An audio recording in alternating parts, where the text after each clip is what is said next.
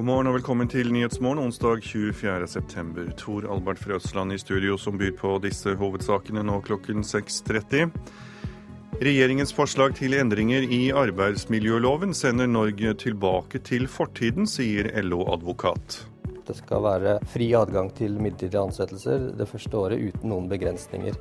Verken på 30-, 40-, 50- eller 60-tallet hadde man noen slike begrensninger. Det fikk vi først innført ved lov i 1977, og det er de samme begrensningene som regjeringen nå vil fjerne. Atle Sønsteli Johansen i LO.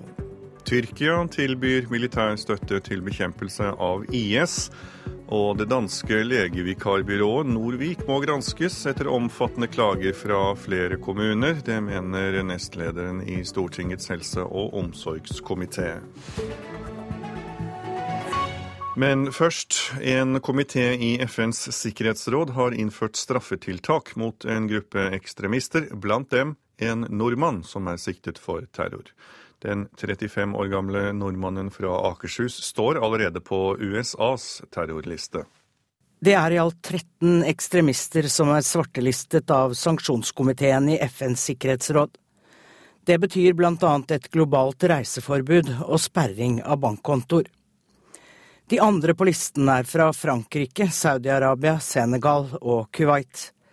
Det er USA og Frankrike som har bedt Sikkerhetsrådet om straffetiltak mot disse ekstremistene.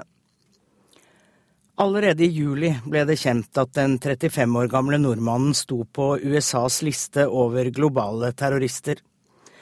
USAs utenriksminister John Kerry sa da at det er betydelig risiko for at nordmannen har begått eller vil begå terrorhandlinger som truer USAs sikkerhet.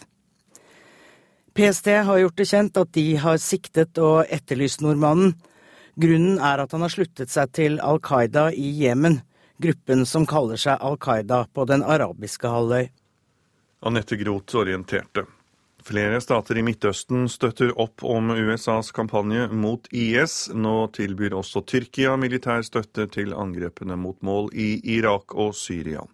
Ingen av USAs fiender, verken Irans president Rouhani eller Syrias president Assad, har protestert mot angrepene for å knuse deres felles fiende. En som er takknemlig for angrepene, det er kong Abdullah av Jordan we have not been quick. Vi har ikke vært raske nok her i regionen, så jeg er svært, svært glad for at president Obama nå leder an i kampen mot IS, sier kong Abdullah på sitt perfekte engelsk. Jordanske jagerfly deltok i bombetoktene mot IS sine stillinger i Syria det gjør også fly fra Saudi-Arabia, Bahrain og Emiratene, mens Qatar støttet operasjonene. Også Tyrkia er med alliansen nå. President Erdogan tilbyr militær og politisk støtte og logistikk. Men problemet er at terrorgruppen IS ikke kjenner noen grenser, og dermed kan angrepene i Syria være i strid med internasjonale lover cross-border It's in Syria and Iraq.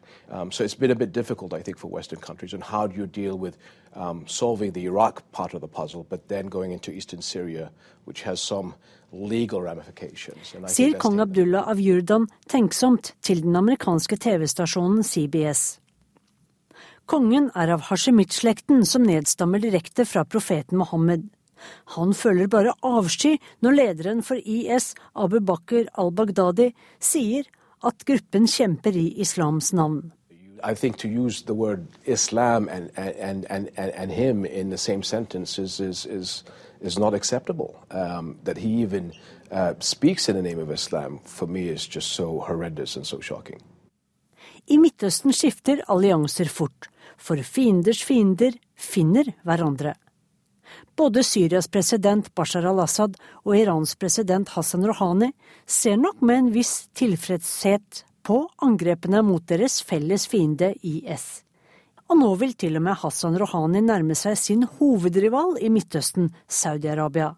Forholdet vårt bør bli bedre nå, sier han. For USA var Assad en fiende, men nå er IS en større fiende og deres fellesfiende. I disse dager holdes generalforsamlingen i FN. Alle spillerne er samlet på samme brett. Venners venner, fienders fiender, som kan bli nye allierte i alle fall for en stund. Så lenge det er nødvendig. Det sa reporter Sissel Wold. Forslaget til ny arbeidsmiljølov er veldig gammeldags og lite familievennlig. Det sier leder av LOs juridiske avdeling, Atle Sønsterli Johansen. Han mener forslaget om flere midlertidige jobber vil føre norsk arbeidsliv tilbake til forrige århundre. Det skal være fri adgang til midlertidige ansettelser det første året uten noen begrensninger. Verken på 30-, 40-, 50- eller 60-tallet hadde man noen slike begrensninger. Det fikk vi først innført ved lov i 1977, og det er de samme begrensningene som regjeringen nå vil fjerne. Det betyr at hvis de får gjennomslag for dette forslaget, så vil det sette norsk arbeidslivsregulering mange tiår tilbake i tid. Så dette er ikke en moderne lov, men en gammeldags lov totalt sett, mener du da på disse punktene som du tenker på? Altså Hvis den er eh, moderne lov, så må det være en mote som er inspirert fra 40- og 50-tallet i så fall. Sier lederen for LOs juridiske avdeling Atle Sønstli Johansen, og foreslår heller økt prøvetid for nyansatte. Og når høringsfristen går ut denne uken, kritiserer de ansatte også forslagene om mer overtidsarbeid og at en vanlig arbeidsdag utvides i ny arbeidsmiljølov.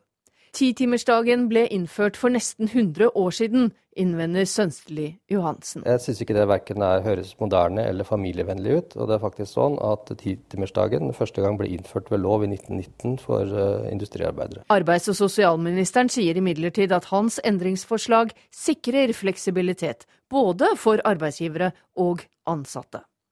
Vi ønsker en tidsriktig arbeidsmiljølov og da trengs det endringer, mener Robert Eriksson. LO sier bl.a. at eh, dine forslag til ny arbeidsmiljølov de er verken nye eller familievennlige. Fordi det setter arbeidslivet mange titalls år tilbake. Eh, hva syns du om den påstanden? Jeg synes at de forslagene vi har fremma til en oppmyking og mer fleksibilitet i arbeidslivet, er en viktig vei å gå, en riktig vei å gå. Det vil møte mange ansatte på å få til et mer familievennlig arbeidsliv. Mange driver i dag og reiser på anlegg rundt omkring. De ønsker å jobbe mer når de er borte, for å få mer tid hjem sammen med familien når de er hjemme. Det mener jeg er familievennlig, det er en god politikk. Men det er bare arbeidsgivere som får mer fleksibilitet med den nye arbeidsmiljøloven regjeringen foreslår, mener LO-advokat Atle Sønsteli Johansen. Fleksibilitet er jo bra, eh, men eh, det må da også gjelde en fleksibilitet for arbeidstaker. Hadde man lagt eh, opp til det, så kunne man jo sagt at det var moderne og familievennlig. Men realiteten i forslaget er at det innebærer en reell maktforskyvning til arbeidsgiverne på bekostning av arbeidstaker. Reporter var Hedvig Bjørgum. Grønn kapitalisme, det er stikkordet nå her i Nyhetsmorgen. For trenger vi en ny olje, en slags ny råvare som kan erstatte kongerikets inntekt når oljen i Nordsjøen tar slutt? Noen mener det, og peker på bioøkonomi.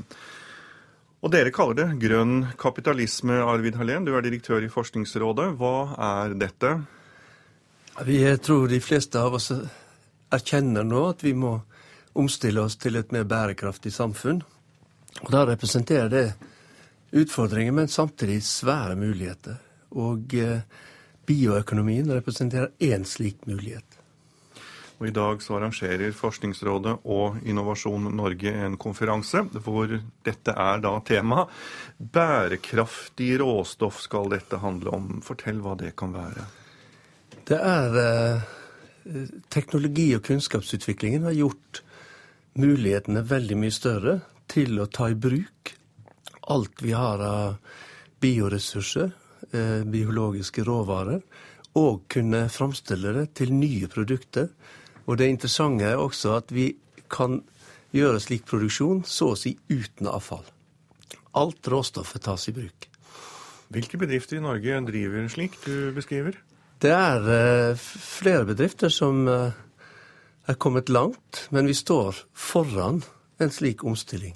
Eh, men én bedrift er Borregaard, som de fleste kjenner, som i dag er, utvikler seg til å bli et av de eh, verdens mest avanserte bioraffinerier, som tar i bruk alt alle råvarer fra skogen.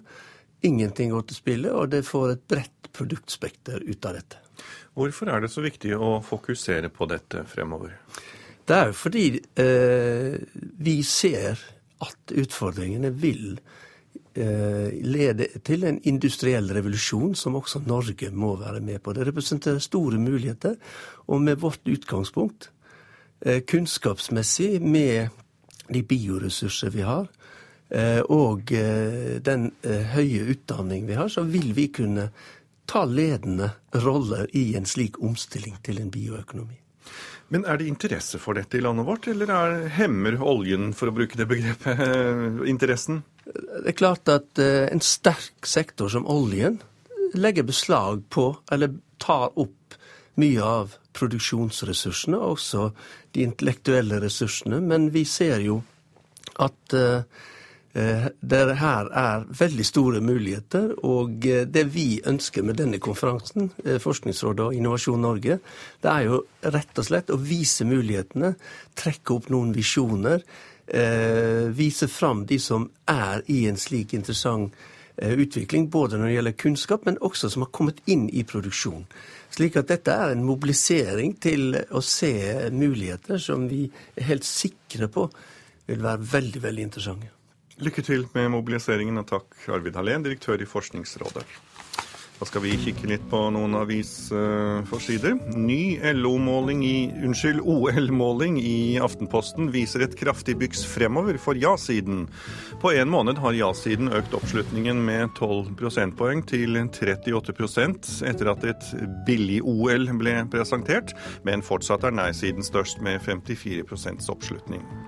Unio-leder Anders Folkestad mener arbeidsminister Robert Eriksson oppfører seg gutteaktig overivrig etter at han konkluderte i, på omstridte punkter i ny arbeidsmiljølov før høringslisten gikk ut. Det skriver Dagsavisen.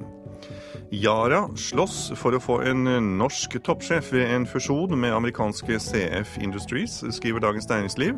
Den nye toppsjefen i Yara, Svein Rikard Brandtzæg, kan nemlig miste jobben før han har begynt. Nye regler skaper arvestrid, slår Dagbladet fast. DNBs forbrukerøkonom Silje Sandmæl sier til avisen at det er helt nødvendig å skrive testamentet for å unngå uvennskap mellom arvinger. Skiforbundet har kommet med et ultimatum til Petter Northug. Han må skrinlegge avtalen med Coop fra neste sesong dersom han vil representere Norge, skriver VG. Og IOC kommer med nye krav til Norge dersom vi skal arrangere OL i 2022. I sitt nye kontraktsforslag krever OL-toppene at Oslo tilbakebetaler dem all skatt som kan dukke opp, skriver Klassekampen. Så er det kun et spørsmål om tid før KrF snur i homosaken. Historiker Kåre Olav Solhjell sier partiet er inne i en prosess hvor de prøver å redefinere hvor skjæringspunktet går mellom politikk og teologi. Det skriver Vårt Land. Landbrukssamvirket og dyrevernerne er ikke fornøyd med landbruksministerens krav til dyrevelferd for kylling.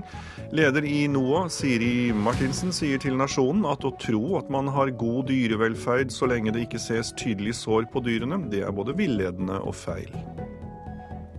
Utlendinger jakter på norske selskaper, og Finansavisen mener det pågår et statlig salgsrush når både Yara, Cermaq, Entra, Kverner og Evry er på salgslisten.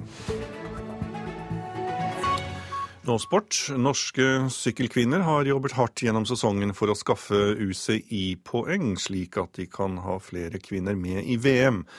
Når VM først er i gang, har forbundet i stedet valgt å kutte ned på antall deltakende kvinner.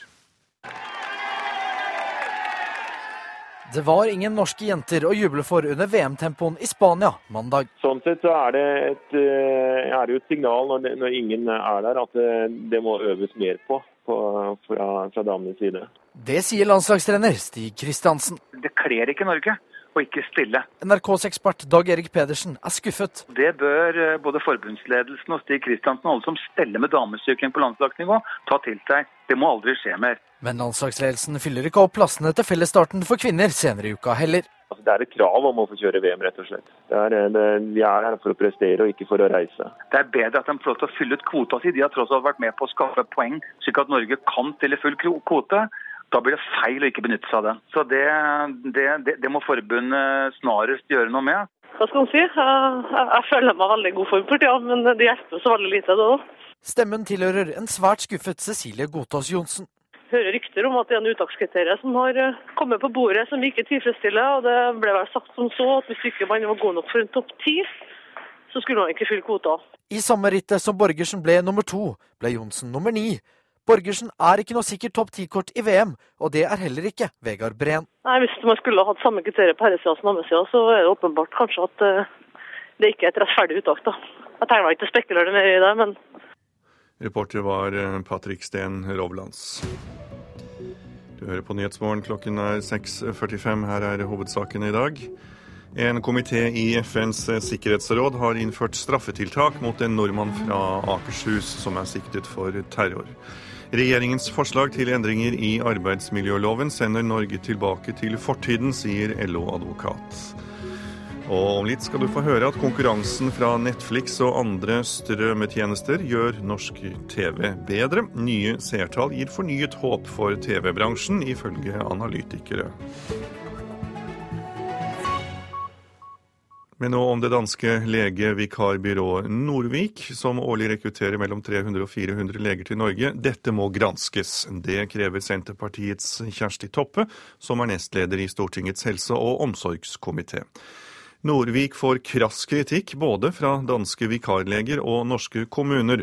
Blant annet blir tre danske leger som har jobbet ved Nordfjord legevakt, gransket for svært kritikkverdige forhold. Dette må få følger, sier Toppe. Det bør føre til en granskning av det vikarbyrået. Tre danske leger ved Nordfjord legevakt, som alle er rekrutterte via Norvik, er under gransking fra norske helsestyresmakter for svært kritikkverdige forhold. Videre hevder danske leger som tidligere har jobba i vikariat i Norge, at de ikke har fått den lønna de har blitt lova av Norvik. De legger også fram e-poster fra vikarbyrået med ufint og truende innhold. Kjersti Toppe ber nå helseministeren rydde opp. Mange kommuner i Norge bruker da et firma som er farlig egentlig for pasientene. Den ene legen er under gransking fordi han var rusa på jobb ved Nordfjord legevakt. Den andre legen er tiltalt for aktløst bildrap etter at han på vei hjem fra jobb ved Nordfjord legevakt i pillerus og i altfor høy fart krasja med en motgående bil. Den tredje legen er under gransking fordi han nekta å ta imot en nordfjording i 60-åra som var dødssjuk. Topp er opprørt. Det er jo min klare oppfordring at norske kommuner ikke bruker dette vikarbyrået. Styreleder i Norvik, Karsten Ramløv Svendsen, avviser at de danske vikarlegene ikke har fått utbetalt det de har krav på. Samtidig beklager han Mikael Palm sin stygge ordbruk i ulike e-poster. Det er helt uakseptabelt. Men når det gjelder Toppes oppmoding om gransking og advaring mot å bruke Norvik, slår Ramløv Svendsen hardt tilbake. Hun er dypt useriøs. Hvordan vil du ha at Norvik skulle kontrollere at det er en som har et alkoholproblem? Kan vi stole på leger som blir rekrutterte via Norvik? Ja, 100% Reporter Bård Siem.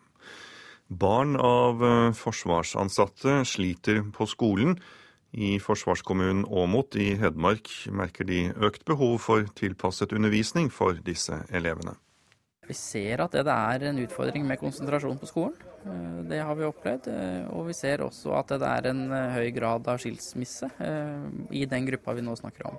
Det er ikke nødvendigvis det at det behøver å ha noe å si med sjølve de internasjonale operasjonene og at man er veteran, men det er et tegn på at vi i hvert fall må se videre på problemstillinga og så se om det er ting vi kan bidra med. Det sier ordfører i Åmot kommune Espen André Kristiansen. Kommunen har mange forsvarsansatte fordi bl.a. Telemarksbataljonen har basen sin der. Denne uken ble en sluttrapport etter pilotprosjekt Østerdalen overrakt Forsvarsdepartementet.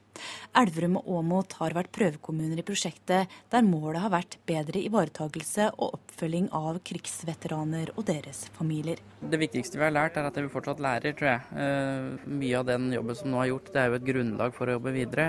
Og vi ser jo at bl.a. i forhold til familieivaretaking, så er det en av de viktige satsingsområdene som vi må følge opp videre. Åshild Vassen Holm, rektor ved Åmot Åmot ungdomsskole sier at enkelte i perioder har behov for tilpasset undervisning fordi en av foreldrene er i krigsområder i utlandet. Det vi kan gjøre er å tilrettelegge i den ordinære undervisninga. At vi, vi, ser hvis fokuset er borte, at vi kan tilpasse både arbeidsmengde og, og prøver og sånne ting. Eh, vi kan være der som samtalepartnere og støtte inn. Og så har vi helsesøster som vi jobber tett sammen med. Som kan være en god støtte for både barna og familien når noen er ute. Hilde Lindboe forsker på hva det gjør med barna å ha en mor eller far på jobb i krigsherjede land. Som en del av pilotprosjekt Østerdalen har hun intervjuet barn fra hele landet som har hatt en forelder i Afghanistan. Hun forteller at det varierer hvordan barna opplever skolen i den situasjonen de er i. Det kan virke som om det varierer veldig individuelt. Det er ikke noe som har noe sammenheng verken med alder eller kjønn eh, blant de jeg har snakka med. Men det er noen av ungene som sier at de opplever ja, milde konsentrasjonsvansker i skolesammenheng. Og at en kan bli sittende og tenke mye på den som er ute. Eh, de sier ikke selv at de opplever at det er alvorlige problem, men eh, men det kan jo variere også med familiesituasjonen. Hun presiserer at hun ikke har forsket spesifikt på skolesituasjonen. Eh, jeg tror at dette er et område som vil kreve ytterligere forskning for å få mer presis kunnskap om hvordan dette arter seg for barna. Og ordføreren mener at de har en jobb å gjøre i framtida. Vi er eh, helt avhengig av at det skal være godt å gå på skole, at man ikke skal oppleve frafall fra videregående, eh, eller at unger skal sitte hjemme og bekymre seg for mor eller far som er i en krigslignende situasjon. Det sa ordfører i Åmot Espen André Kristiansen. Reporter Ann Kristin Moe. Nå om TV-vanene våre, for vi ser fortsatt mye på tradisjonell TV, til tross for økt bruk av strømmetjenester og sosiale medier. Det viser eh, de nyeste seertallene. Noe overraskende ser unge nordmenn mer på TV i helgene i år enn i fjor høst, og TV-tilbudet blir bare bedre som følge av konkurransen fra Netflix og andre strømmetjenester. Det mener medieanalytikerne. Jeg ser eh, mindre på TV enn før. Mye mindre, fordi jeg har PC og eh, mobil og iPad. Hva er det du ser på TV? Jeg ser på Dagsrevyen. Det er fordi jeg har fått Netflix og Viaplay. Da har jeg liksom ikke det behovet for å se på TV. Strømmetjenestene er populære blant ungdommene NRK snakka med på gata i Oslo. De liker best å velge sjøl når de skal se på TV, og hva de skal se på. TV-bransjen har spurt seg om dette kan være en alvorlig trussel mot tradisjonell TV-seing, samtidig som seertallene har falt de siste åra.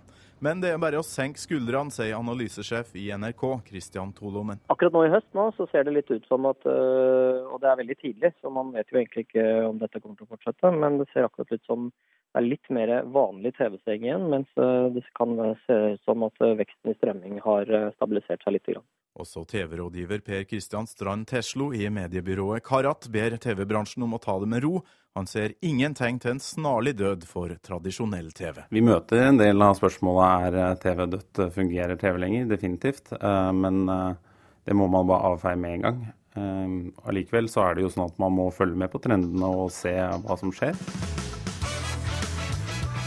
En trend som kan være verdt å følge med på denne høsten, er en stor økning i helge-TV-seeringa blant unge nordmenn under 29 år, sammenligna med i fjor. Strømming og nett-TV er populært ellers i uka, men det å sette seg ned med familien i sofakroken og se på TV sammen, står fremdeles sterkt. Det med å se Dagsrevyen er til å se det med familien, og de ser jo på TV. Det er mye bedre å se det med venner og familie, ikke alene. Og det er fornya optimisme i bransjen. Så lenge innholdet er bra, kommer nordmenn til å fortsette å se på TV. Det tror TV 2-direktør Trond Kvernstrø. Her vil det jo bli kombinasjonen av individuell seing og samseing. Og jeg tror jo i, i generasjoner framover så er det jo deler av uh, dagene i uka som er, mer, altså som er naturlig samseing, da, hvor uh, familien vil samles rundt en felles opplevelse. Da. Den jeg, jeg, tror det fenomenet ikke vil forsvinne. Da. Jeg ser mye mer på TV nå enn det jeg gjorde før. Det har kommet flere nye kanaler og flere interessante serier osv. TV-serier som Big Brother og sånn dramaserier. Så det er TV-program du kikker på, bare at ja. du ikke ser det på vanlig skjerm? Ja, fordi jeg kan velge når jeg skal se på. Reporter var eh, Torkil Torsvik. For første gang i norsk film vises elektrosjokkbehandling når filmen Flink pike har premiere. Regissøren Solveig Melkerån Melkeråen har laget film av sin egen depresjon, og nå vises filmen på Bergen internasjonale filmfestival.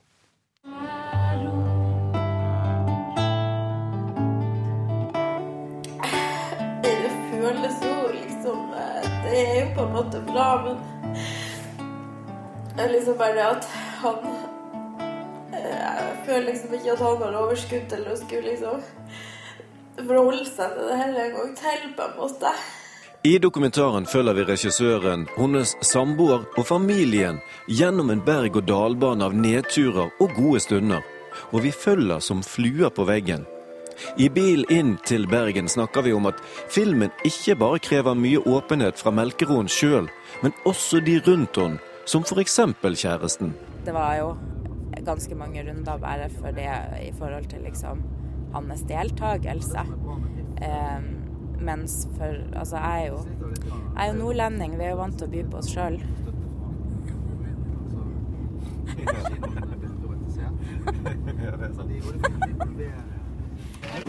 Altså jeg kan, jeg kan, apropos Lene Marlin, som har gått ut i forhold til det at hun prøvde å ta livet av seg, jeg kan forstå hvorfor folk tar livet av seg, for å si det sånn.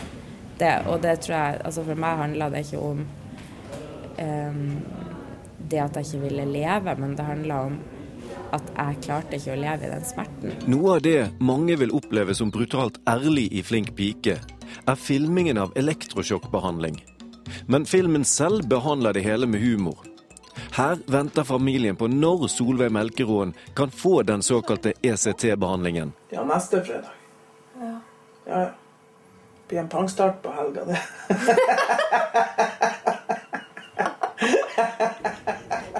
Så det er vel første gangen at det er filma på den måten som jeg har gjort. Hvis du har gjort den jobben du ville gjøre, hva skal folk sitte igjen med etter å ha sett Flink pike?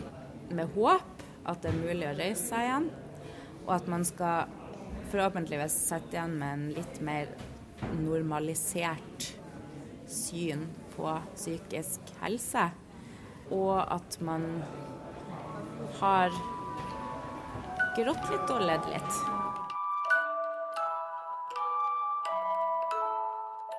Reporter det var Mikael Olsen Lerøen. Onsdagsværet nå. Fjellet i Sør-Norge. Skiftende bris, enkelte regnbyger, snø over 1200-1500 meter. Økende nedbør i kveld. Østlandet og Telemark skiftende bris, enkelte regnbyger vesentlig sør for Oslo. Fra i ettermiddag lettere skydekke og opphold, men nord for Mjøsa blir det regnbyger. Agder skiftende bris, regn fra i ettermiddag Unnskyld, regn, men fra i ettermiddag opphold. I kveld nordvestlig frisk bris på kysten vest for Lindesnes. Enkelte regnbyger i vest, ellers opphold og perioder med sol. Rogaland får nordvestlig bris, om kvelden frisk bris på kysten. Skiftende skydekke, enkelte regnbyger.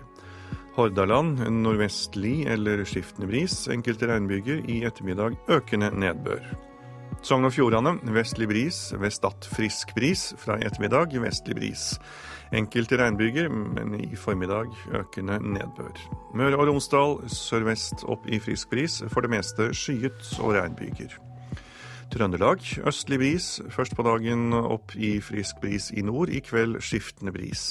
I sør skyet, litt regn, i nord opphold og en del sol. Nordland østlig bris, først på dagen frisk bris utsatte steder, pent vær i kveld til skyene i nord.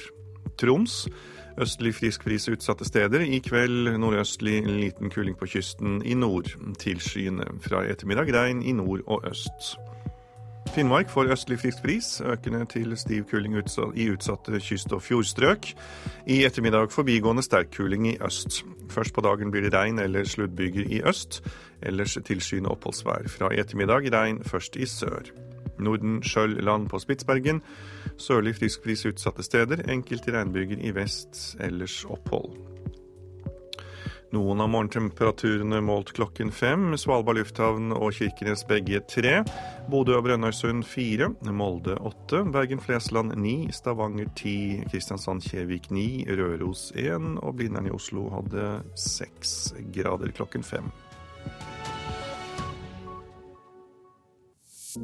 Kan dikt forandre verden i vår tid? Pedro Carmona Alvarez har oversatt den danske dikteren Yahya Hassans poesi til norsk, og kommer til salongen for å snakke om lyrikken, Chile og kjærligheten. Salongen 17 18 på NRK P2.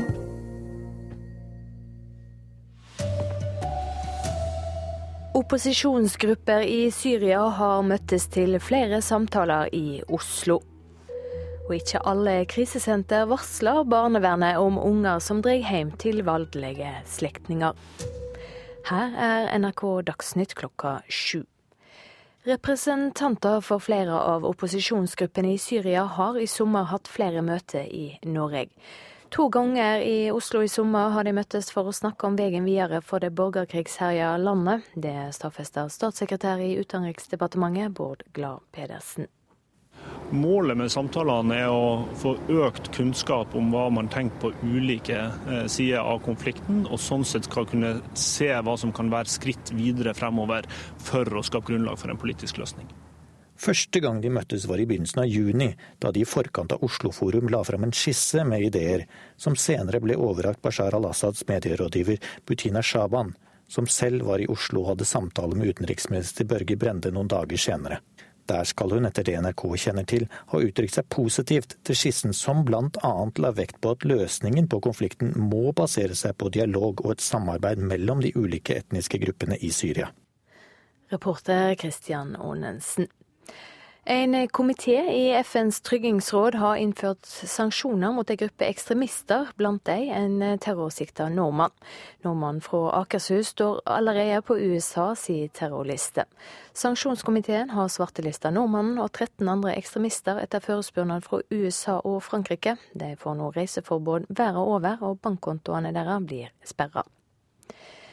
Politiet i Tromsø leter fremdeles etter en drapsmann etter at en 48 år gammel mann ble funnet død i heimen sin på Kvaløysletta i går kveld. Politiet vil ikke si noe om hva de tror er dødsårsaker.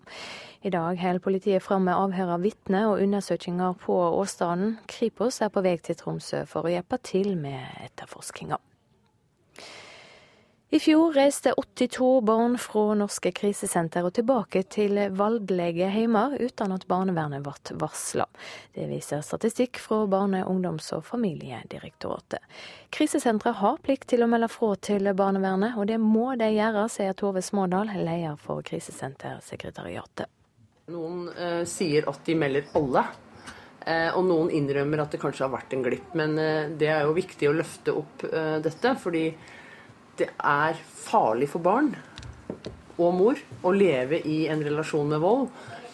Eh, og det er viktig at dette blir meldt. Ja, Det sa Tove Smådal.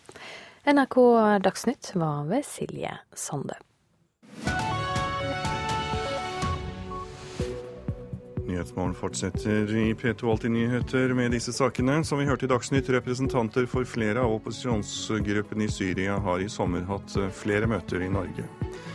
Barnevernet varsles ikke alltid når barn reiser fra krisesentrene til et voldelig hjem, viser nye tall. Og siste landsmøte i det britiske Arbeiderpartiet før valget neste år. Vi skal til Manchester for å høre hvordan partilederen staker ut veien videre for partiet.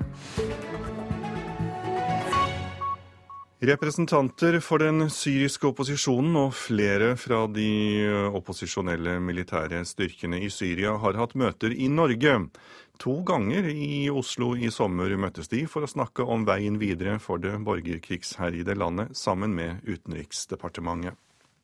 Something like Mecca for the activists, where we will meet at Watan Cafe. På en kafé midt i millionbyen Istanbul møtes hver dag syriske soldater, hjelpearbeidere, politikere og aktivister. Her utveksler de historier og planlegger nye hjelpesendinger inn til de mange millionene som fortsatt lider inne i Syria. Hit kommer også Mohammed Kadam al-Jameh fra den syriske politiske organisasjonen National Blog, så ofte han kan. Men denne sommeren har han også vært to ganger i Norge for å diskutere hvordan man kan skape et nytt Syria etter borgerkrigen. Yes, actually our first real uh, meeting, we would say was uh, two months ago in Oslo. På initiativ fra Brookings Institute i Doha har regimekritiske syrere og moderate brigader blitt invitert til Norge og det norske utenriksdepartementet for å snakke sammen om veien videre for Syria etter Bashar al-Assad. Statssekretær Bård Glad Pedersen var ikke selv til stede under møtene som fant sted på et hotell i Oslo sentrum, men det var Utenriksdepartementet som var vertskap, og som betalte oppholdet for de 43 representantene fra deler av den syriske opposisjonen. Målet med samtalene er å få økt kunnskap om hva man tenker på ulike eh, sider av konflikten, og sånn sett skal kunne se hva som kan være skritt videre fremover for å skape grunnlag for en politisk løsning. Første gang de møttes var i begynnelsen av juni, da de i forkant av Oslo Forum la fram en skisse med ideer, som senere ble overrakt Bashar al-Assads medierådgiver Butina Shaban, som selv var i Oslo og hadde samtale med utenriksminister Børge Brende noen dager senere. Der skal hun, etter det NRK kjenner til, ha uttrykt seg positivt til skissen som blant annet la vekt på at løsningen på konflikten må basere seg på dialog og et samarbeid mellom de ulike etniske gruppene i Syria. Og i Oslo-samtalene har parter som normalt ikke snakker sammen, sittet ned ved det samme bordet.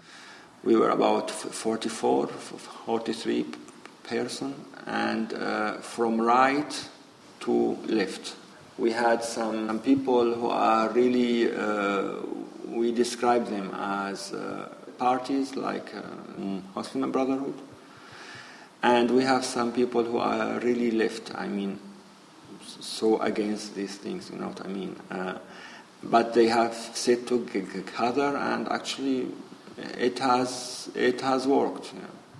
Nå jobber partene frem mot et nytt møte i Norge i oktober, og håpet er at også representanter som støtter Bashar al-Assad, vil delta.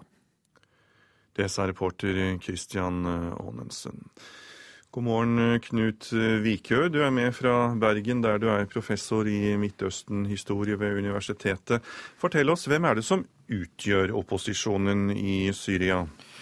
Ja, det er jo, For det første er det jo en uendelighet med enkeltgrupper, smågrupper, som uh, organiserer seg, og også som uh, slåss militært. Uh, så en absolutt kart er det vanskelig å strekke, men vi kan tenke oss snakke om kanskje fire ulike retninger. Da. Det første er de som er i Damaskus, og altså ikke er i eksil, men som uh, får tillatelse til å ha en viss, eh, viss dialog utenfor regimet. Men så er det da de som etter den reportasjen vi nettopp hørte, ser ut til å være de som møtes i Oslo i sommer, eh, som utgjør det som eh, tidligere var den ledende eksilgruppa, som nå kaller seg for den syriske nasjonalkoalisjonen, som er da en blanding fra sekulære politikere fra, venstre til, til høyre og en del eh, islamist. Eh, det vi kaller for moderate islamister, Det muslimske brorskapet og andre. Ja, jeg forstår at opposisjonen er mangefasettert, hvis jeg kan bruke det begrepet. Hvem må delta på et slikt møte for at det da skal ha noen effekt? Vel, det viktige er at de to jeg nevnte nok ikke er de viktigste gruppene. Den viktigste gruppen er en islamistiske retninger som er mer konservative, som er samla i noe som kalles for islamsk front. Og det høres Vi hører jo ikke så mange navn på de som som var i Oslo, men det høres ikke ut som de var representert her. Og det er de som utgjør da den militære utfordringa på bakken, ved siden av da IS og, og, og jihad. Eh, så hvis dette bare er den, eh, den, etablerte eh, opposisjonen som Vesten tidligere har hatt kontakt med, så er det jo de som Barack Obama tidligere sa besto av apotekere og universitetslærere, som, som han mer eller mindre avfeide. Så spørsmålet er jo om hvis dette ikke går videre enn det, så har ikke dette den bredden som skal til for å skape en løsning. Men hvis de virkelig snakker om å ville eh, samtale med, med Assad-regimet, eh, eller iallfall folk rundt det, så er jo det i og for seg noe nytt. For målet er å se fremover, skape dialog og bringe parter til bordet som tidligere ikke har snakket sammen. Men hva kan skje utover en dialog? Ja, eh, nå er vi jo i en helt annen situasjon da, i, fra og med i går, med de eh, amerikanske militære intervensjonen, som jo setter en helt annen dagsorden enn en dialog mellom disse gruppene. Eh, men det hele er jo spørsmål om dialog med hvem. Altså, er det snakk om Det store anstøtsteinen har jo tidligere vært hva mener en med Assad-regimet. Og opposisjonen har jo tidligere, hele opposisjonen har jo tidligere sagt at det har vært absolutt krav om at dette regimet må gå, det er blodbestengt osv. Så. Eh, så hvis dette er en indikasjon på at deler av opposisjonen lemper på dette og begynner å nærme seg en, en dialogløsning med Assad-regimet, så er jo det eh, noe som sannsynligvis ikke vil ha så stor betydning da, at den militære situasjonen er helt annerledes. Men, eh, men det er iallfall noe nytt. Takk skal du ha, Knut Vikør. Nå skal vi høre at nesten hvert fjerde barn som reiser fra krisesentrene og tilbake til et eh, voldelig hjem, gjør det uten at eh, sentrene varsler barnevernet. Det viser nye tall fra Barne-, ungdoms- og familiedirektoratet. Krisesentrene bryter klare regler, og det kan føre til at barna ikke får den hjelpen de trenger. Det sier Mari Trommald, direktør i Barne-, ungdoms- og familiedirektoratet. Dette er barn som enten selv blir utsatt for vold, eller som opplever at det er vold i familien. Og vi vet at begge deler er skadelig for barn. Noen barn er redde for å være hjemme, der de egentlig skal føle seg tryggest. I fjor reiste 354 barn fra krisesentra og tilbake til en voldelig heim. Da har krisesentra plikt til å si ifra til barnevernet. Men 82 av gangene ble det ikke gjort, ifølge statistikk Sentio har laga for Barne-, ungdoms- og familiedirektoratet. Barn som blir utsatt for vold, er i en veldig sårbar situasjon. Og barnevernet har til oppgave å undersøke og iverksette tiltak.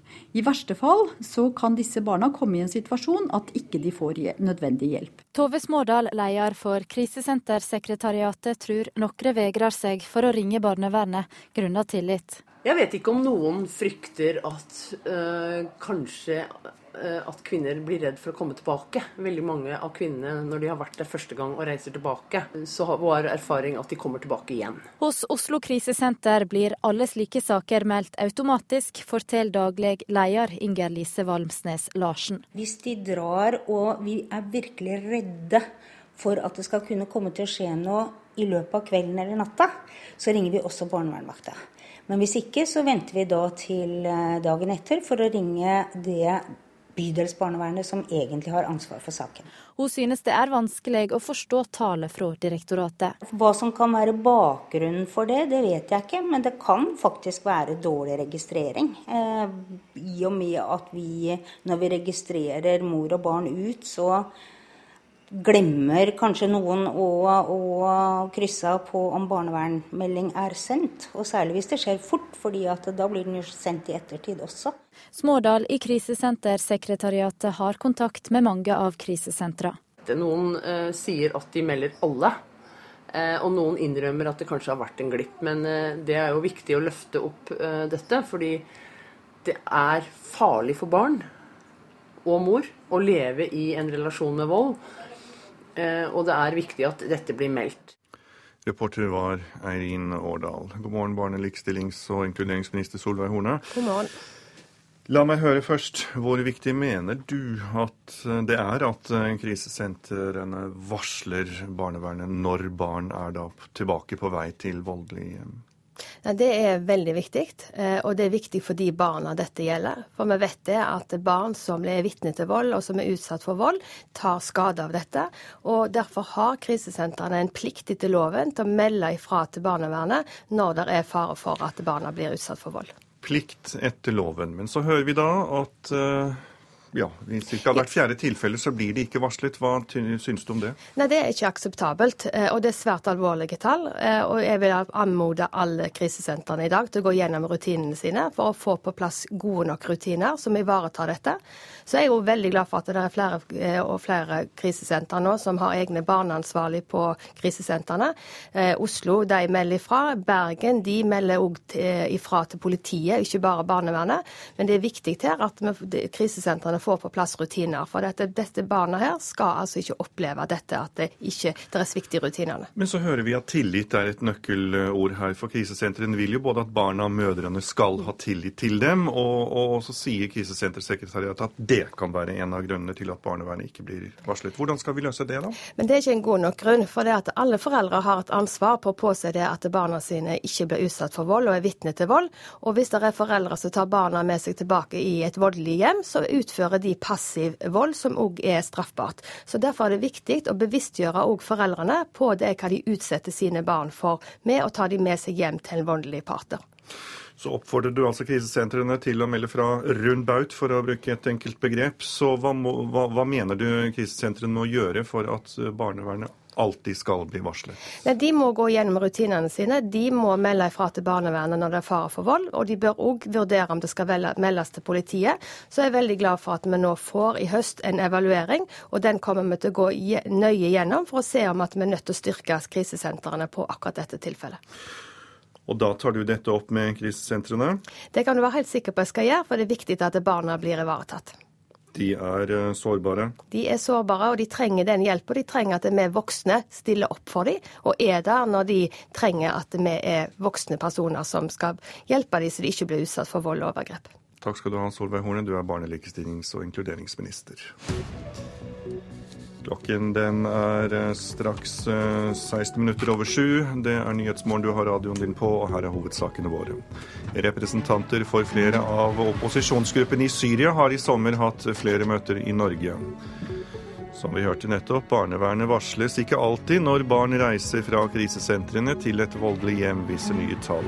Og Tyrkia tilbyr militær støtte til bekjempelsen av IS. Det britiske arbeiderpartiet Labour holder landsmøte i disse dager i Manchester. Dette er det siste landsmøtet før parlamentsvalget neste år. Partileder Ed Miliband la frem en tiårsplan for partiets politikk, og lovet bl.a. å høyne minstelønnen, gjøre det enklere for små entreprenørselskaper og ansette flere helsearbeidere. Men And the minimum wage has got to become a route to bringing up your family with dignity. So we will raise the minimum wage.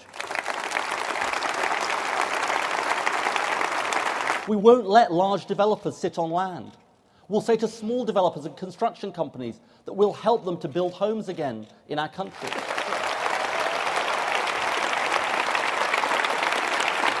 So we will set aside resources so that we can have in our NHS 3,000 more midwives, 5,000 more care workers, 8,000 more GPs, and 20,000 more nurses. An NHS with time to care. Ja, det var uh, skrytelisten for uh, fremtiden, kan vi kanskje kalle det. Men Millibandet måtte også innom den nylig avsluttede folkeavstemningen om løsrivelse i Skottland. Korrespondent Espen Aas med oss fra Manchester. Hvordan påvirker folkeavstemningen i Skottland Labours landsmøte? Ja, Den har jo blitt en aldri så liten uh, hodepine. Riktignok så sto jo Labour helt i front for å slåss for fortsatt uh, union med Skottland, og også økt makt til skottene hvis de ble, men uh, nå står partiet også foran et veiskille fordi det her i England er økende krav om at de skotske folkevalgte i det britiske parlamentet ikke i like stor grad lenger skal få stemme over engelske, walisiske og nordirske saker fordi de får økt selvstyre. Og det gjør livet vanskelig for Labour, fordi de tradisjonelt har mange titalls innvalgte representanter fra Skottland. Og hvis ikke de kan få med, å, få med, seg de til å stemme i alle saker, ja, så vingeklippes eh, makten deres. Og det er eh, ikke godt nytt for dem når det er 200 dager igjen til valget. Så hva er Millibands tiårsplan? Britiske velgere er luta lei politikere og løfter, så det er eh, skummelt å komme med enda noen fler, men han omtalte dette som sin jobbsøknad til statsministerjobben, og sier at nå skal han eh, gi dem et løfte om hva som skal skje i løpet av ti år. Ikke et kortsiktig løfte om noe som skal skje i løpet av én regjeringsperiode, men da altså to, med seks store reformer. Vi hørte noen av dem eh, forut eh, for samtalen her. Økt minstelønn og svært mange flere ansatte i helsevesenet, i tillegg til boligbygging, flere praksisplass for unge osv. Denne tiårsplanen skal ifølge ham kunne gi folk troen tilbake på fremtiden og politikerne, men jeg tror vel kanskje det er en vei å gå der. Jobbsøknad som statsminister, eh, sier du. Hvilke sjanser har Labour til å ta makten fra David Camerons konservative parti? De har jo nå styrt eh, i snart fem år, og derfor så leder Labour nå på alle eh, meningsmålinger. Ikke mye, men eh, de leder, og ville slik sett vunnet valget, blitt største parti hvis det var valg i dag, men vil ikke da klare å få flertall alene. Det er jo, et, det er jo særlig tre store partier som dominerer parlamentet her, Labour og så de konservative og liberaldemokratene. Sistnevnte tilsvarer Norske Venstre, og det er de to siste som er i regjering nå. Men fordi ingen fikk flertall i forrige valg, så ble det det altså en koalisjonsregjering, og det må også Labour danne hvis de får flertall. Nei, hvis de får flest stemmer, unnskyld. Eh, og må da overtale liberaldemokratene til å gå i regjering med seg, eller styre i mindretall, med alt det medfører av vanskeligheter og nederlag. Hva taler imot? Ja, Det er rett og slett Miliband eh, selv. det. Han scorer altså så lavt i alle statsministermålinger. Han blir rett og slett ikke sett på som noen kommende statsminister blant eh, britene. Eh, de vil jo heller da ha den sittende David Cameron som statsminister, hvis det var det de kunne velge. Men slik er det jo ikke. Det kan jo sånn sett virke som de tror at uh, britiske Arbeiderpartiet Labour kommer til å bytte ut Ed Miliband før valget i mai neste år, men ingen statistikker tyder på at det heller er noen særlig god idé. Så helt hvordan britisk politikk kommer til å se ut fra mai 2015 er ikke godt å si i denne stund. Men du følger med, Espen Aas. Takk skal du ha. Statsminister Erna Solberg burde vært mye klarere på hva Norge skal gjøre for å kutte utslipp av klimagasser. Det mener SVs miljøpolitiske talsmann Heikki Holmås. Han får støtte fra miljøaktivister som etterlyser en klarere klimastrategi fra regjeringens side. Statsminister Erna Solberg får ros for sin oppfølging av Norges satsing på bevaring av regnskogen, etter at hun i går undertegnet avtaler med både Peru og Liberia om samarbeid mot avskoging. Men SVs miljøpolitiske talsmann og stortingsrepresentant, tidligere utviklingsminister Heikki Holmås, er kritisk når det gjelder det hun ikke nevnte i går. Det er jo det som handler om norsk oljeutvinning, som er den største norske bidragsyteren til klimagasser. Det handler om å nå de egne målene som Erna Solberg sjøl har vært med på å sette for å kutte i Norge. Mens Obama snakket om at han innfrir de målene som han har satt, snakket ikke Erna Solberg noe om det i det hele tatt. Bellona-leder Fredrik Hauge var også invitert til FNs klimatoppmøte i New York. Han er glad for regnskogspengene, men Men at vi ikke kommer med klare lovnader om hvor mye Norge skal kutte.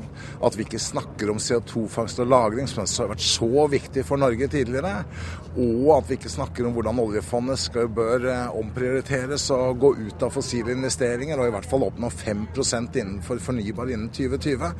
Det syns jeg er trist, og det gjør at Norge ikke har en lederrolle på en del av de områdene vi har vært vant til å ha en lederrolle. Naturvernforbundet skriver i en kommentar at Solberg ikke berørte elefanten i rommet, nemlig det de ser som en nødvendig utfasing av norsk oljeindustri. Solberg kommenterer kritikken ved å vise til at Norge har et klimaforlik å holde seg til, og dessuten Norge er fortsatt et olje- og gassproduserende land. Det er hoveddelen av, eh, av, stimulansen inn til økonomisk vekst de siste ti årene i Norge har kommet fra olje- og gassvirksomheten. Eh, og eh, det vi gjør, er at vi har en gjennomgang av utsattheten i kombinasjon. Det har vi vært enige med Stortinget at vi skal lage, og vi skal se på karbonsiden av dette. Så er det sånn viktig å huske at CO2-utslippene er en viktig utfordring. Men det er også sånn at olje og gass er en del av fremtidig utvikling av også energi. Særlig gassområdet er det. Reporter var Gro Holm. Noen uh, forsider fra dagens aviser. Ny OL-måling i Aftenposten viser et kraftig byks fremover for ja-siden. På en måned har ja-siden økt oppslutningen med 12 prosentpoeng til 38% etter at et billig-OL ble presentert. Men fortsatt er nei-siden størst, med 54% oppslutning. Yara slåss for å få en norsk toppsjef ved en fusjon med amerikanske CF Industries. Det skriver Dagens Næringsliv. Den nye toppsjefen i Yara, Svein Rikard Brandtzæg, kan nemlig miste jobben før han har begynt, skriver avisen. Nye regler skaper arvestrid, slår Dagbladet fast. DNBs forbrukerøkonom Sissel Sandmæl sier til avisen at det er helt nødvendig å skrive testamentet for å unngå uvennskap mellom arvinger. Skiforbundet har kommet med et ultimatum til Petter Northug. Han må skrinlegge avtalen med Coop fra neste sesong dersom han vil representere Norge. Det skriver VG. Og IOC kommer med nye krav til Norge dersom vi skal arrangere OL i 2022. I sitt nye kontraktsforslag krever eh, OL-toppene at Oslo tilbakebetaler dem all skatt som måtte dukke opp. Det skriver Klassekampen. Det er kun et spørsmål om tid før KrF snur i homosaken. Historiker Kåre Olav Solhjell sier partiet er inne i en prosess hvor de prøver å redefinere hvor skjæringspunktet går mellom politikk og teologi, skriver Vårt Land. Landbrukssamvirket og dyrevernerne er ikke fornøyd med landbruksministerens krav til dyrevelferd for kylling. Leder i NOAH, Siri Martinsen, sier til Nasjonen at å tro at man har god dyrevelferd så lenge det ikke ses tydelig sår på dyrene, dette er både villedende og feil. Utlendinger jakter på norske selskaper, og Finansavisen mener det pågår et statlig salgsrush når både Yara, Cermaq, Entra, Kverner og Evry er på salgslisten. Kripos kommer til Tromsø nå i morgentimene for å sette i gang drapsetterforskning etter at en 48-åring ble funnet død i byen, skriver Nordlys. Til sammen 6000 vestegder er til enhver tid borte fra jobben. Det kan Fedrelandsvenn fortelle oss. Nav i Vest-Agder tar grep for å hjelpe bedriftene til å få flere raskere tilbake i arbeid. 13 500 jobber trues av riggkollaps. I alt 15 borerigger kan stå uten oppdrag og forsvinne fra norsk sokkel det neste året, forteller Stavanger Aftenblad oss. Mange har nok enten mistet den en gang eller to på gulvet, eller kanskje til og med rett i toalettet. Resultatet av at vi mister, det blir uansett ofte veldig dyrt. For siden 2007 har vi nordmenn brukt svimlende 6,5 milliarder kroner på å reparere mobilene våre. Den forrige mobilen jeg hadde, da satt jeg i bilen, og så greide jeg å Jeg hadde mobilen min i en cardigan, så hang kardiganen utenfor bilen, og da så jeg ikke det. Og da smelte jeg en døra på mobilen, og da var den helt knust. Jeg tror jeg klarte å miste den på flisene på badet, og det gikk ikke så bra. Smarttelefonene er med oss overalt og til enhver tid. Og det bærer mange av telefonene våre preg av. Dagens Næringsliv skrev nylig at vi har brukt 6,5 milliarder kroner på å reparere smarttelefonene siden de inntok markedet i 2007. Så hvis du, hvis du ser den her, det er en, ja, en ganske stor kasse med mange knuste skjermer. Og hvis du ser her inne, så ser du at det er stort sett iPhone. Ja, se på den, f.eks. Den er knust i to deler, faktisk. Vi er hos Ahmad Kalaili hos iCyber i Hønefoss. Han har daglig fortvilte mobilbrukere innom som trenger hjelp. Det kommer enkelte folk som er sånn Går det an å få gjort noe med den? Altså, De har liksom herpa den helt. Eh, stort sett så vi har fiksa de aller fleste, altså. Hvis det er knust eller bøyd. Hva slags skader er det dere ser mest av? Det er knuste glass. Ja, det er stort sett Eller det er mest, i hvert fall. Og det er spesielt iPhone, iPhone 5, 4. Det er de som er mest utsatte. Nå blir vel 6 snart, iPhone 6, og den er enda mer utsatt, faktisk. For det er mye større skjerm. Og da er det lett for, for å falle på feil og bli knust. Så det blir mye å gjøre etter hvert. det høres ikke ut som dere kommer til å bli arbeidsledige med det første? Nei, vi har egentlig vi har bra, vi har, det har vært veldig bra. Altså, nå har vi holdt på i ca. et år, og det har bare blitt mer og mer. I løpet av de to siste årene har nesten 40% av norske smarttelefoneiere opplevd skader på telefonen sin, viser tall fra forsikringsleverandøren Square Trade. Og hos If skadeforsikring har de 250 skadesaker i måneden, altså 3000 skadde mobiler i året. Ahmad Kalaili er ikke overrasket over tallene. Folk er veldig, veldig uforsiktige med bruk av telefoner. Eh, spesielt ungdommer. De har ikke dekkskjell på det. Og da mister de det, og treffer hun feil kant, så er det knust med en gang. Dekselet er sånn i begynnelsen når du kjøper mobilen, så er du veldig forsiktig med den. Og så er det veldig gøy å kjøpe forskjellige. Etter hvert så blir det veldig irriterende å ha noe sånn tjukt oppå mobilen, så er den veldig finere uten. Og din telefon ser jo veldig fin ut. Den har faktisk holdt i et år. Det er første gang de pleier å knuse, men den her har holdt seg. Så det er bra. Og jeg har mistet denne mange ganger òg, men det har gått bra. Fordi jeg har sånn beskyttelse. Ja, for du har deksel. Ja, det er veldig lurt. Reporter var Anette Skafjell. I reportasjen etter Dagsnytt kan du høre at husbåten i Kashmir går en svært usikker fremtid i møte, og i Politisk kvarter kommer helseministeren for å snakke om fritt behandlingsvalg. Produsent for Nyhetsmorgen heter Vidar Eidhammer. I studio Tor Albert Frøsland.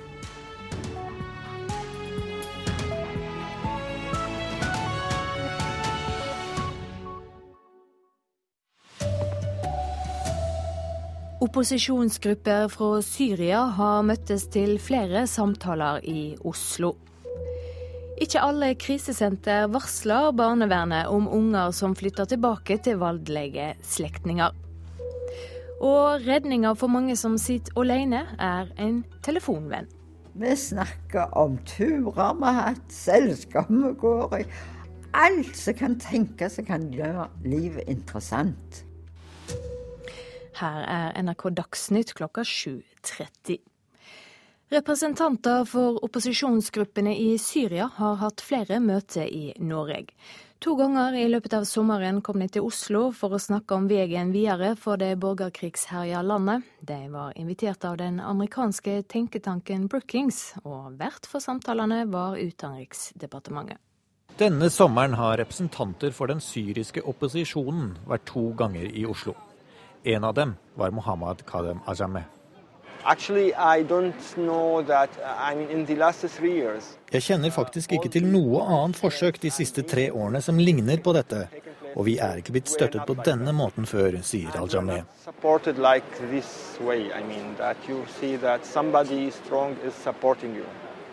Statssekretær Bård Glad Pedersen var ikke selv til stede under møtene som fant sted på et hotell i Oslo sentrum.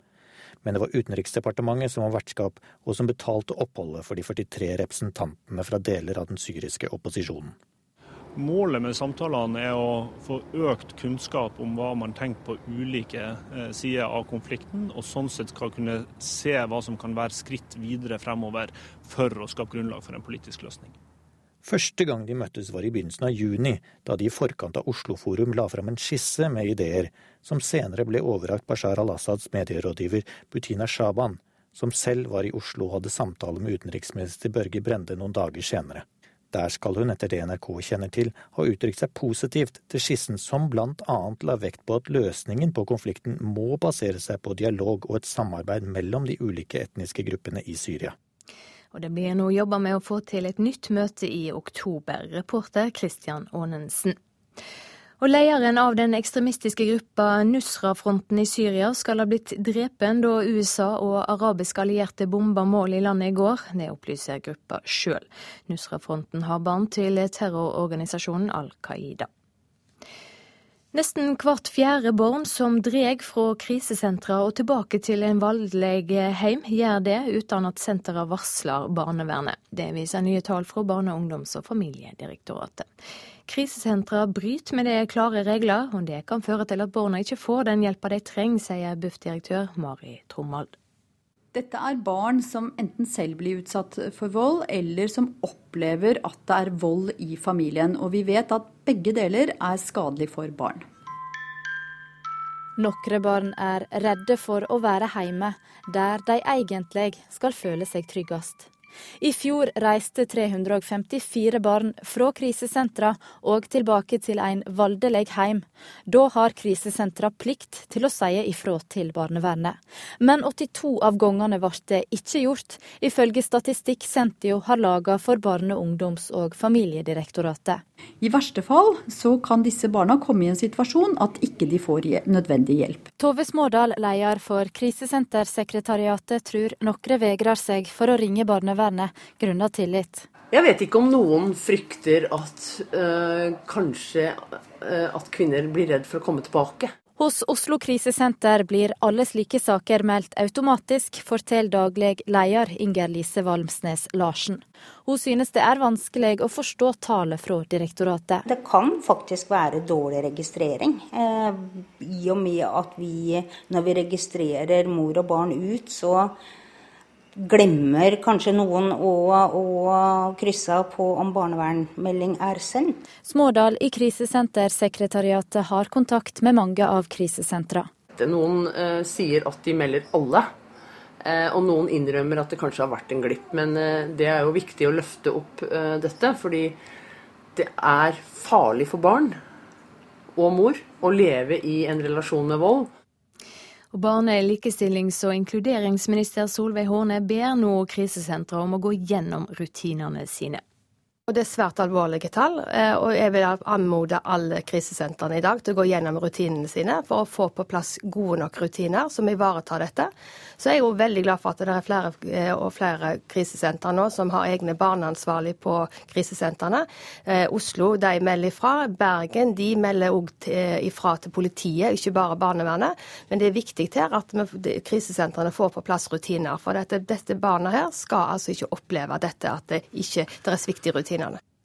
Reporter Eirin Årdal. En komité i FNs tryggingsråd har innført straffetiltak mot ei gruppe ekstremister, mellom dem en nordmann som er sikta for terror.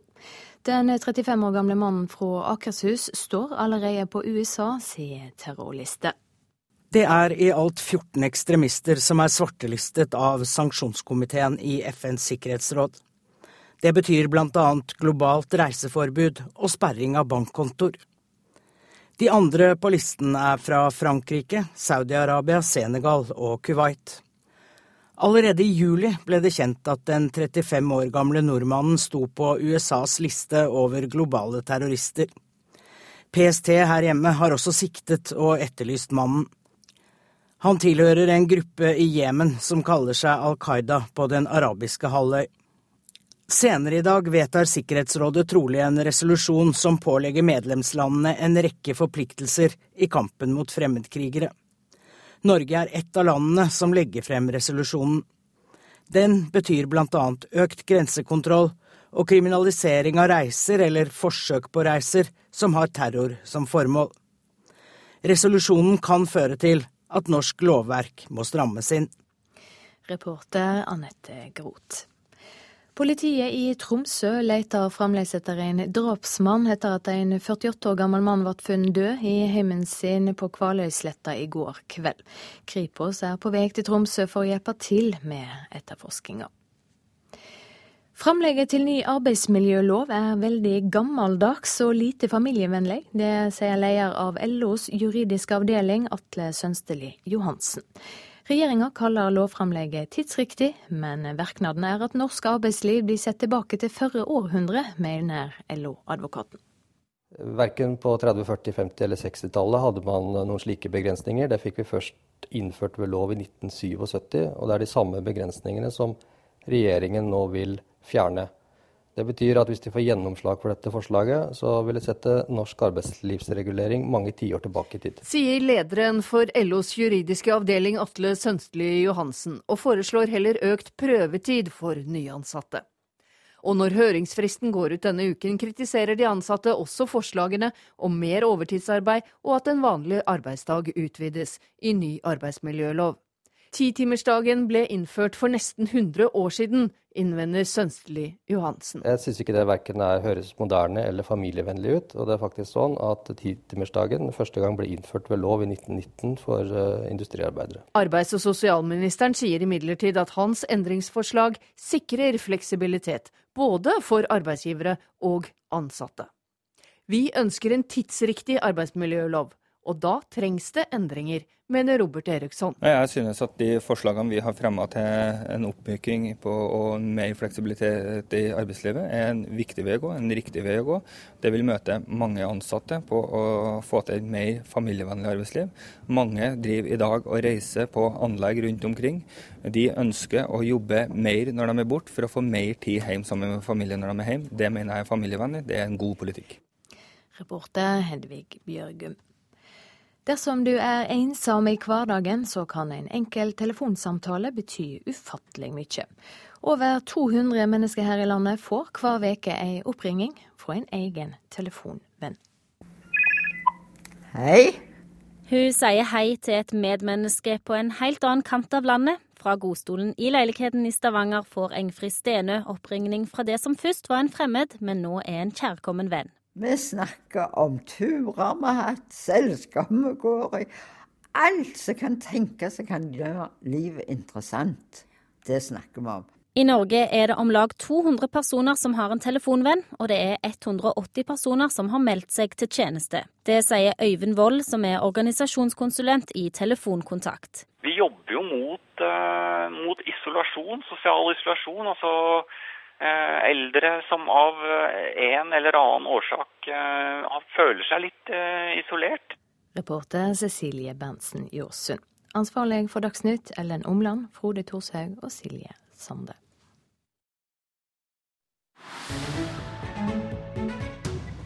Og her i Nyhetsmorgen så skal vi høre at i over 100 år har en av de store turistattraksjonene i indiske Kashmir vært husbåtene som står ankret opp på de vakre innsjøene.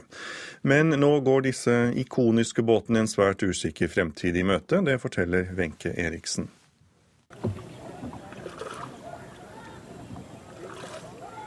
Venezia har sine gondoler.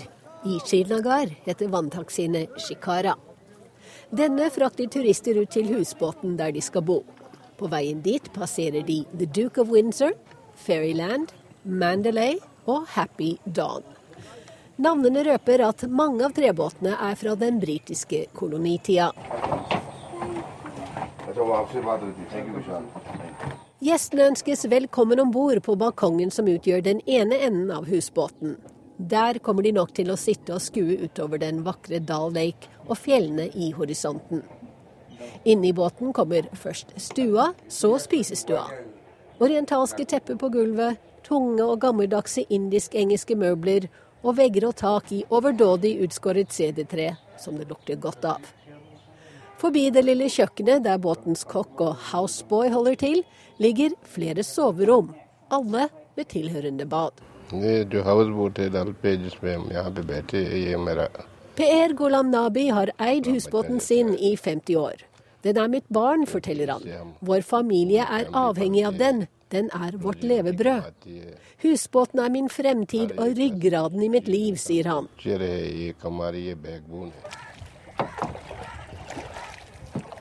Men fremtiden er ikke lys. Mansour Amals husbåt sank for åtte år siden i en storm. Han har ennå ikke fått lov til å heve den. I have been moving pillar to post for this, fulfilling all the legal formalities. But till date, I have not succeeded in getting the permission so that I could rejuvenate this houseboat. Båt må tas helt fra hverandre og bygges opp igjen. Jeg har gjort alt de krever, formalitetene skal være i orden, men jeg får ikke lov til å renovere den, sier han til nyhetsbyrået Ap. Og Ahmads båt er ikke den eneste som ligger halvveis nedsunket i Dal Lake. Nesten ingen får lov til å sette dem i stand. Bare mindre reparasjoner på vinduer, dører og tak er tillatt. Husbåtene forurenser. De slipper kloakkvann og søppel rett ut i innsjøen, og det er for mange av dem, sier myndighetene. There are reports that these lakes are getting polluted, not only from the natural sources or Innsjøene gror igjen pga. bakterieveksten, og det skyldes ikke minst avføring fra toalettene om bord i husbåtene. Derfor er det helt avgjørende at vi holder tallet på husbåter i sjakk, sier turistdirektør Talat Parvas. Siden 1991 har det vært forbudt å bygge nye husbåter i Kashmir. Det er et forbud husbåteierne forsøker å få opphevet. Da India ble selvstendig i 1947, var det 2000 husbåter i Srinagar. 400 av de 900 som er igjen, blir borte i løpet av ti år, hvis ikke eierne får lov å sette dem i stand, ifølge Husbåteiernes forening. It's like a jewel in the crown for Kashmir tourism. De er jo juvelen i kronen for turistindustrien i Kashmir, og myndighetene må sørge for at vi kan bevare husbåtene, mener Nasir Ahmad Bakshi, som driver et reisebyrå i Srinagar. Den amerikanske turisten Karen Kant er enig. Husbåtene er en av grunnene til at hun kom til Kashmir. I'm not so sure I would have traveled 25 hours to get here if there were no um, houseboats to visit. Klokken nærmer seg 7.45 her i Nyhetsmorgen, og dette er hovedsakene våre. Representanter for flere av opposisjonsgruppene i Syria har i sommer hatt flere møter i Norge. Men den viktigste opposisjonsgruppen deltok ikke, mener historieprofessor. Barnevernet varsles ikke alltid når barn reiser fra krisesentrene til et voldelig hjem. Og en komité i FNs sikkerhetsråd har innført straffetiltak mot en nordmann fra Akershus som er siktet eh, for terror. Klokken tikker mot Politisk kvarter, og programleder i dag det er Per Arne Bjerke.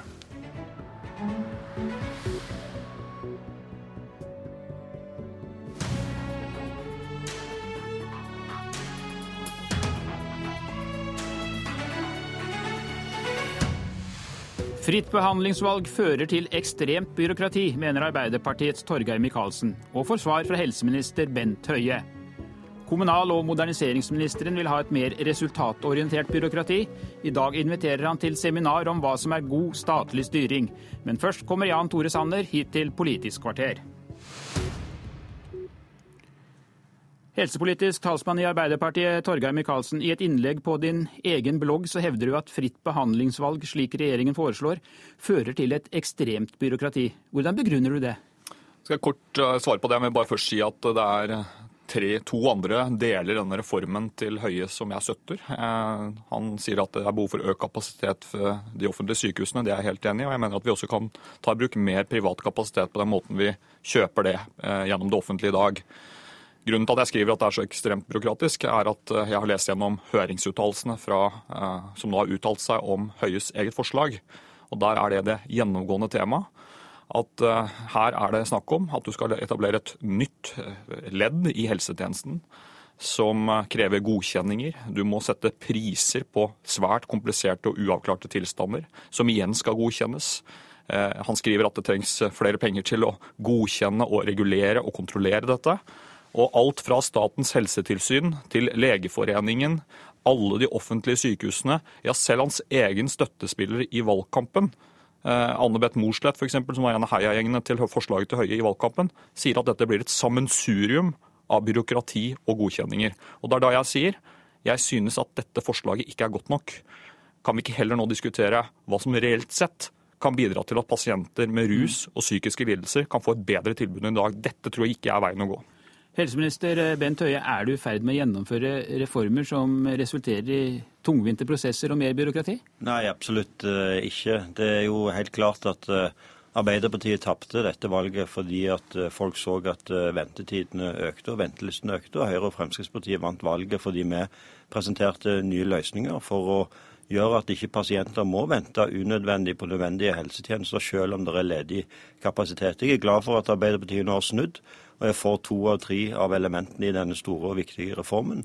Nemlig at vi slipper de offentlige sykehusene i større grad fri, at de ikke får et tak på sin behandling. Og at vi òg sier at de offentlige sykehusene skal kjøpe mer av den ledige private kapasiteten gjennom anbud. Dette var noe som Arbeiderpartiet ikke gjorde når de satt i regjering, men som de nå støtter. Og så er jeg ikke overraska over at Arbeiderpartiet igjen velger å gå imot det tredje elementet, nemlig det som handler om å styrke pasientens rettigheter. Alle de gangene Høyre og Fremskrittspartiet har foreslått å styrke pasientens rettigheter, enten det var innføring av fritt sykehusvalg eller det var innføring av individuelle medisinske tidsfrister, så var Arbeiderpartiet imot. Men det er ikke en byråkratisk mm. ordning. Det er en veldig enkel ordning. Det handler om at uh, har du som pasient blitt vurdert av det offentlige helsevesenet, har fått rett utredning eller behandling, ja, så kan du ta med deg den retten til en privat godkjent aktør og få behandlingen. Og Det er helt unødvendig at folk skal vente på nødvendig behandling så lenge det finnes ledig kapasitet. Samfunnet sparer ikke penger på at folk venter unødvendig lenge på behandling. Eh, Torgeir Micaelsen, du sitter her og rister på hodet, men jeg må spørre deg, hva er verst for en pasient å bli behandlet i en privat klinikk, eller ikke å få noen behandling i det hele tatt? Altså Det er selvfølgelig det siste. Eh, og jeg mener absolutt at private, og særlig private ideelle, har en særlig viktig rolle å spille eh, i den norske helsetjenesten. Og det er ikke riktig at vi er imot det. Det har vi utvidet i flere anledninger og er positive til å ta i bruk mer kapasitet. Men vi vil gjøre det på den måten som Høies eget departement skriver i selve forslaget til helseministeren er den mest effektive. Det er nemlig den måten vi i dag kjøper inn disse typer tjenestene for å gi pasienter bedre behandling raskere. De skriver i sitt eget høringsnotat at det han foreslår er mindre effektivt enn den måten vi gjør det på i dag. Og når vi i tillegg vet at Høie i valgkampen lovte at dette forslaget skulle bidra til at det ikke var behov for at folk trengte, trengte å tegne private helseforsikringer, at eh, dette skulle være bidrag til at køene skulle gå ned, så setter han altså nå prisen på disse behandlingene.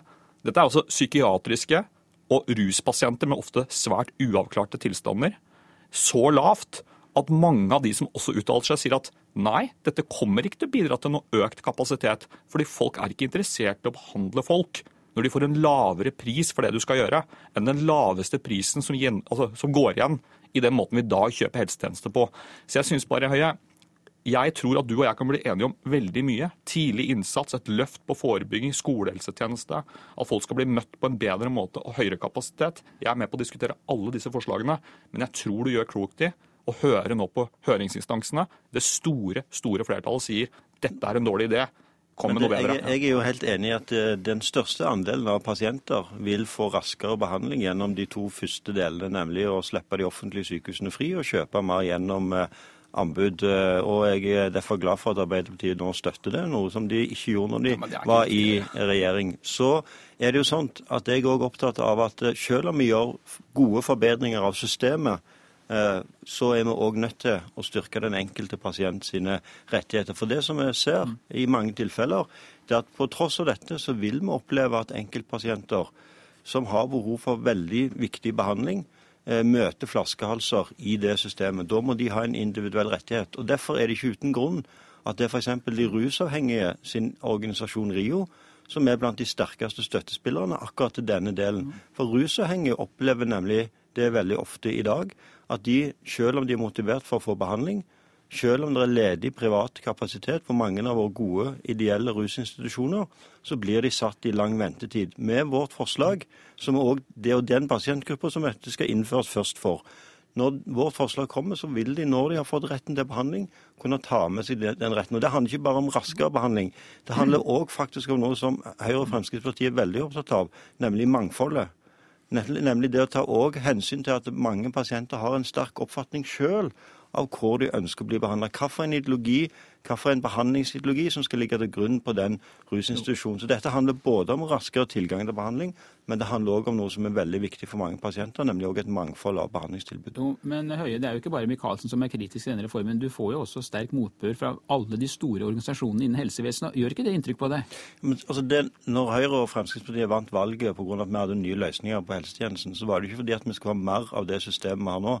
Det var jo fordi at vi skal gjøre en del helt grunnleggende endringer. Og det å innføre fritt behandlingsvalg, det gjør regjeringen nå for at pasientene i framtiden skal oppleve at de ikke skal vente unødvendig lenge på helt nødvendig behandling når det er ledig kapasitet. At det da møter en del kritikk fra de som tradisjonelt sett har vært forsvarere av dagens system, det er ikke overraskende. Men så har vi jo sendt dette på høring nettopp òg for å få gode innspill. Og mange av de som eh, Torgeir Micaelsen trekker fram i sin blogg, de sier jo ikke at de er mot ordningen, men de kommer med ganske gode innvendinger, som bl.a. noen av de er tatt hensyn til allerede i høringsnotatet. Andre ting som vi skal se på, andre er argumenter som vi har hørt før, og som vi ser at Det er argumenter, men de er ikke viktige nå, for dette er en så viktig reform for pasientene. En viktig pasientrettighet, en sikkerhetsventil for de pasientene som møter flaskehalser i det offentlige helsevesenet. Og det jeg er veldig bekymra for at stadig flere pasienter i Norge ser seg nødt til å betale penger ut fra egen lommebok for å behandle, behandle, få nødvendig behandling. Stadig flere ser seg nødt til å få helseforsikringer. Jeg ønsker ikke en sånn utvikling. Jeg ønsker en utvikling der folk føler seg trygge for at de får behandling, så lenge de er en del av det norske velferdssystemet. Det er den delen jeg ønsker å ta vare på. At vi i fellesskap betaler for folks helseutgifter. Men, men dette er jo helt enig. Problemet er at det du foreslår, løser ikke dette. Eh, og jeg syns det er litt rart at vi har en helseminister som mener at det er når Legeforeningen f.eks. skriver til deg, Høie, sitat, rus og psykiatri er uegnet, skriver de, som første gruppe ut i reformen.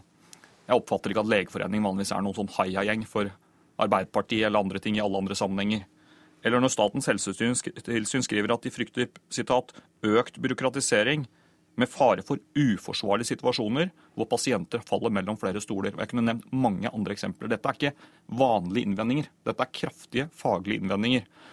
Jeg mener at vi skulle sammen blitt enige om at vi trenger en ny opptrappingsplan for lokalt helsearbeid for barn og ungdom, psykisk helse, rus. Vi skulle bli enige om at uh, folk som er i fare for å utvikle psykisk sykdom uh, eller rusproblemer, skal møtes tidlig også når de nærmer seg ungdom og voksenalderen.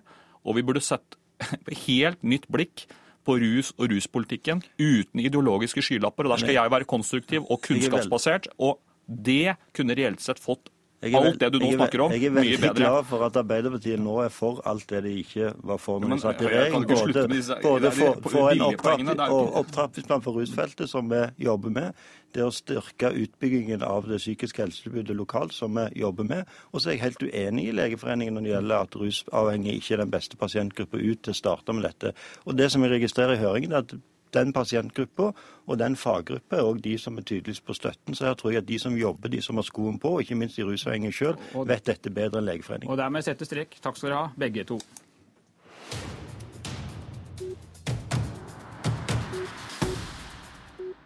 Da skal vi bytte statsråd i studio, og vi skal for så vidt fortsette å snakke om byråkratiet. For i formiddag inviterer kommunal- og moderniseringsminister Jan Tore Sanner til seminar om hva som er god styring i staten. Regjeringen ønsker at forvaltningen skal bli mer resultatorientert og få større gjennomslagskraft. Og Jan Tore Sanner, hvilke endringer vil du gjennomføre for at lederne i staten skal bli mer opptatt av resultatene? Vi eh, setter i gang nå et eh, stort program som heter eh, Bedre styring og ledelse i staten. Utgangspunktet er at vi har en ganske god offentlig sektor i, i Norge. Men vi vet at det er en del utfordringer, og ikke minst så vet vi at samfunnet rundt oss endrer seg. Og når samfunnet rundt oss endrer seg, så må staten endre seg. Vi vet at innbyggerne, næringslivet, brukerne kommer til å stille økende krav til offentlige tjenester. Og også våre egne medarbeidere kommer til å stille krav til staten som, uh, som, leder. Og hva må vi da gjøre? Jo, jeg tror noe av det viktigste er at vi får tydeligere og færre mål ovenfra mindre detaljstyring, at vi har større tillit til lederne i staten. Vi skal ha tydelige, gode ledere i staten. Eh, og så må vi gi større rom til medarbeiderne, slik at de kan finne de gode løsningene for brukerne. Med andre ord åpne for forandring nedenfra. Men Betyr dette da at eh, statlige ledere og folk i ditt eget embetsverk skal bli fritatt fra noe av denne evinnelige rapporteringsplikten som vi stadig hører om?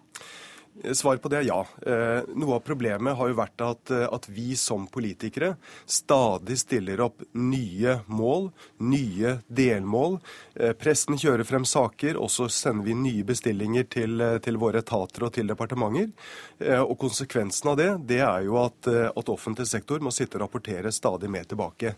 Jeg ønsker en offentlig sektor som er moderne, som er attraktiv arbeidsgiver, hvor vi som politiske ledere stiller tydelige krav men hvor vi også må ha tillit til at medarbeiderne finner de gode eh, løsningene. Jeg tror nok kanskje at ledere i staten har vært mer opptatt av å unngå å gjøre feil enn å søke det som er riktig og det som er de beste løsningene. Derfor så er jeg opptatt av at vi må gi større rom også for ledere til å lede. Ja, NRK Brennpunkt var jo fortsatt innom noe av dette i går da de satte søkelyset på statens kvalitetssikringsordninger. Og har vi i for stor grad utviklet et revisorsamfunn der veldig mye ressurser nå brukes nettopp på kontroll? Du må, ha, du må ha kontroll og du må ha revisjon.